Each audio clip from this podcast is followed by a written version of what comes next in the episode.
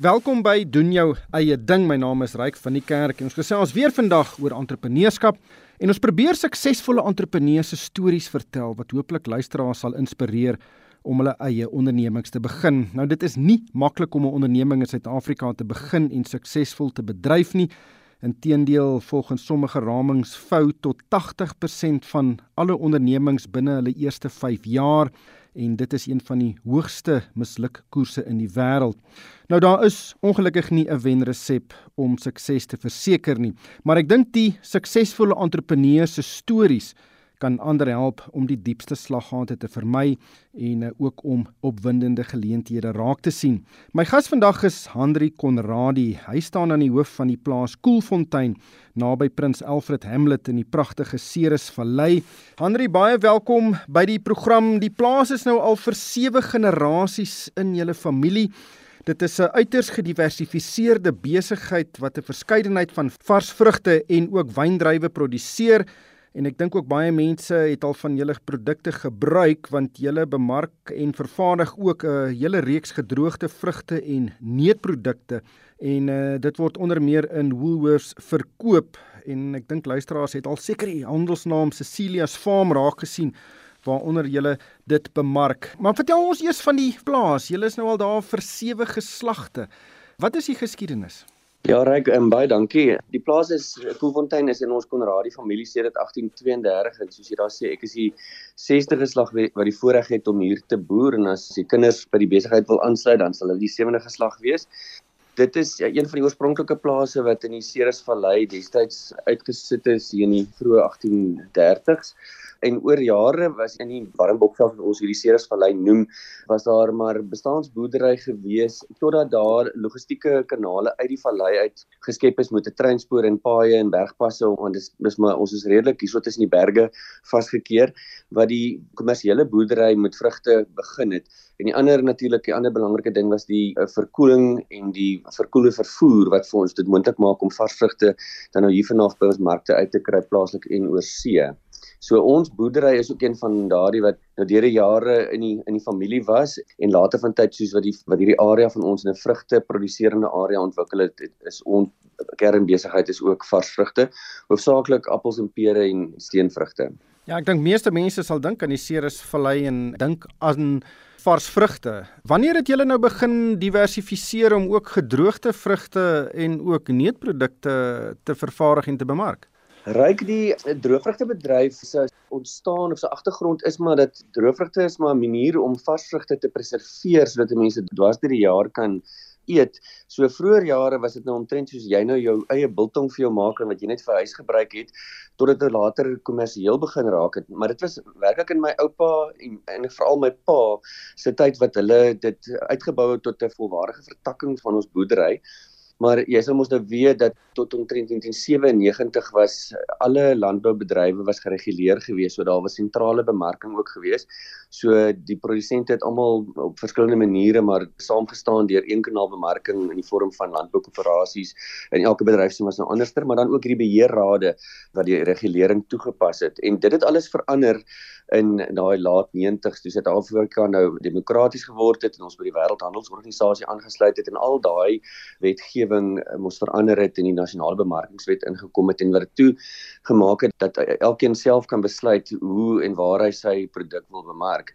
En dit was omtrent die tyd in die vroeë 2000s toe ek by by die boerdery aangesluit het wat dit toe die tyd nou net reg was vir ons dat ons toe besluit het om ons eie ding te doen en om die droëvrugte wat ons hier op Koelfontein produseer om self die verdere waarde toevoeging te doen want kyk tot in daardie stadium het ons daar was die bekende landboukoöperasie Suid-Afrikaanse Droëvrugtekoöperasie of SAD soos almal dit geken het wat ons al, al die produsente was lede daarvan en aandeelhouers.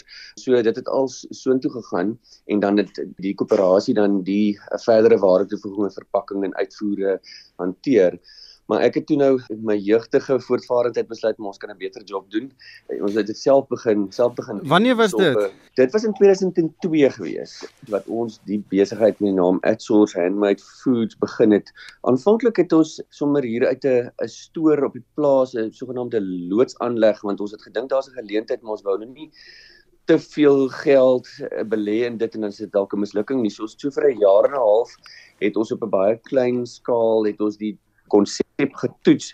En toe was ons verras met hoe ons vinnig ons van die grond af gekom het en hoe aanvraag daar vir ons produk is dat ons toe in 2004 'n splinternuwe verwerking en verpakkingsaanleg hier op die plaas gebou het. En dis dan toe nou die ontstaan van Adsource Handmade Foods wat nou vandag in sy eie reg 'n besigheid is wat nie net die produkte wat ons op Koelfontein produseer nie, maar ons koop ook 'n klomp ander droëvrugte en neute van ander produsente in en gebruik dit in ons produkte wat ons aan 'n verder waarde toevoeg en verpak en versprei. Maar ek neem aan dit was 'n baie groot besluit om die plase bedrywighede so te diversifiseer. Ek neem aan daar was 'n hele klomp mense wat betrokke in daardie besluit. Vertel ons van daai besluit van die uitdagings wat jy voorsien het en tot jy die besluit geneem het en gesê, "Reg, kom ons begin en kyk wat gebeur." Ja, reg, dis 'n goeie vraag. Jy het nou net genoem van ons plaaslike kleinhandel vernoot daar was 'n geleentheid binne in Woolworths want tot in daardie stadium was die ons praat van kleinhandel private label of white label is ook 'n ander woord mense gebruik. In Suid-Afrika was nog in daardie stadium was die private label mark nog nie so ver ontwikkel soos dit in die in die westerse wêreld is waar kleinhandelaars hulle eie hulle eie handelsmerke het en dit nogals kwai dryf nie. So ek het eh, daai tyd my my huiswerk gedoen en gelees en en een ding wat ek besef het toe is dat ons het nie die kapitaal om om 'n handelsmerk te vestig van niks af nie wat dit vat of baie tyd of baie geld of al twee om 'n handelsmerk te vestig. Maar gelukkig toe besluit ons dat ons kan mos nou op ander ouens se handelsmerke noem dit net as 'n rugry of gebruik om om by ons kliënt uit te kom. En dis hoekom ons aan die beginjare gefokus het op hierdie private label besigheid en daar was 'n ideale geleentheid omdat ek soos ek sê daar het min min in die mark wat aan die gang was. Daar was 'n redelike vakuum in die mark gewees vir die produkte wat ons gereken het daar 'n geleentheid voor is. So ons het vir 'n vir 'n lang periode het ons eintlik 'n baie lae profiel gehad omdat ons nie in ons eie handelsmerk enigiets verkoop het nie maar in ander mense se handelsmerke en dit is nie net in Suid-Afrika nie dit is ook 'n paar oorsese kliënte wat ons so deur die jare bygekry het. Maar terug by jou vraag oor die groot besluit is soos ek net genoem het het ons op 'n klein skaal gegaan en gesê man as ons nou hier by ons boerdery 'n klompie kapitaal afknyp en sê as dit nie werk nie gaan dit nou nie vir ons doodmaak nie maar as dit werk dan gaan 'n ou dan nie groot besluit moet neem of dit die moeite werd is. So dit het skielik omtrent so 18 maande gevat toe besef ons maar hierdie is werklik 'n geleentheid. En toe is dit nou soos hulle op Engels sê, dis nou 'n letterlike geval van go big or go home. So ons het toe die geleentheid gehad om te sê vir kliënte hoorie ons het net nie die die waagmoed of die kapitaal of of wat dit ook al gaan nodig wees om hierdie geleentheid te benut nie.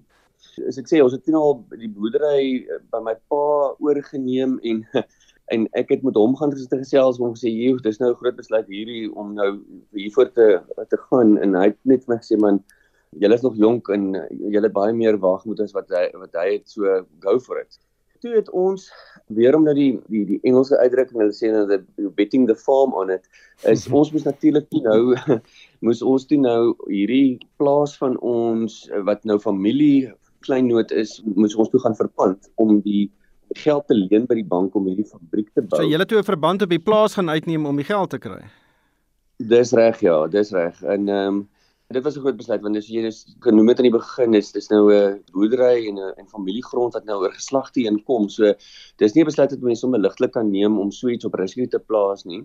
Maar ons het sterk gevoel dat daar 'n geleentheid is en as ons nie benut nie gaan iemand anders dit benut. So dit was die een moeilike ding sê ek sê is, is om die, om die kapitaal in die hande te kry en nou die kapitaal dan nou te ontplooi in in so iets. Die ander ding was net om al die vaardighede wat ou nodig het. So ou kan ook nie uh, uh, professionele dienste en so noodwendig altyd bekostig nie, maar ons het eintlik toe ons begin het met die idee en ek as ek nou sê ons hmm. hier's 'n hmm. kollega by my wat al van die begin af my kollega is Anton RW wat 'n voedselwetenskaplike is wat al die produkontwikkeling ja. aan die begin gedoen het. Ons twee het vir daai 18 maande het ons omtrent elke week by 'n vriend van ons wat 'n wat 'n bedryfsingenieur is gaan sit en planne maak van as die geleentheid wel blyk lewensvatbaar te wees, dan gaan ons nou moet belê in hierdie kapasiteit. Iets wat ons reg gedoen het dink ek daai tyd is om vir 'n lang tyd te beplan en te droom oor oor wat dit is wat ons wil doen en teen die tyd wat ons die sneller trek om te sê ons gaan daarvoor het ons baie dinkwerk en en beplanningswerk ingesit wat ons eintlik nie goedkoop deel is voordat jy nou regtig gaan begin geld uitgee om met konstruksie en en so meer. Ja. Um, so julle het uh, vooraf die regtig julle huiswerk gedoen om seker te maak dat al die dinge reg is en dan daar nie eintlik enige verrassings gaan wees as julle nou daai besigheid begin wat 'n groot finansiële impak kon hê nie. Ja, ja, heeltemal reg. Ryk iets anders wat ek nou ook net besef wat ek ook miskien net moet noem is kyk, ek het groot geword op die plaas en ek het met droëvrugte groot geword en my pa sy naam is Frans Konradi. My pa was nogal 'n bekende ou in die droëvrugte kringe en hy het 'n baie goeie reputasie as 'n produsent van baie hoë kwaliteit droëvrugte gehad. En ek het groot geword in die besigheid. So Ek het van my laerskool daar het nie meer Desember vakansies gehad nie want ons het op die plaas gewerk oestyd en baie van daai tyd is op die is op die droogbaan gespandeer. So ek het redelik dan droëvrugte en vrugte boerdery saam met moedersmelk ingekry. Mhm. So dit is dan ook nie iets wat ons gaan aanpak het wat ons geen kennis van het nie. Ons ons familiebesigheid het 'n 'n lang geskiedenis met droëvrugte. So dis iets wat ons baie goed ken en mee vertroud is. So dis nie ja. iets wat onbekend wat ons gaan loop induik het om wat glad nie iets is wat ons van ervaring het nie. Ja. Ek gesels met Henri Konradi, hy staan in die hoof van die plaas Koelfontein naby Prins Alfred Hamlet in die Ceres Vallei en dis 'n plaas wat al vir sewe generasies in die familie is. Dit is 'n uiters gediversifiseerde besigheid wat 'n verskeidenheid van vars vrugte, wyndruiwe en ook 'n hele reeks gedroogde vrugte en neutprodukte versprei en bemark. Maar Henry, julle het ook julle eie kleinhandelsnaam gevestig. Dit is Cecilia's Farm. Ek het al gesien in Woolworths, dis in sulke klein pakkies verpak.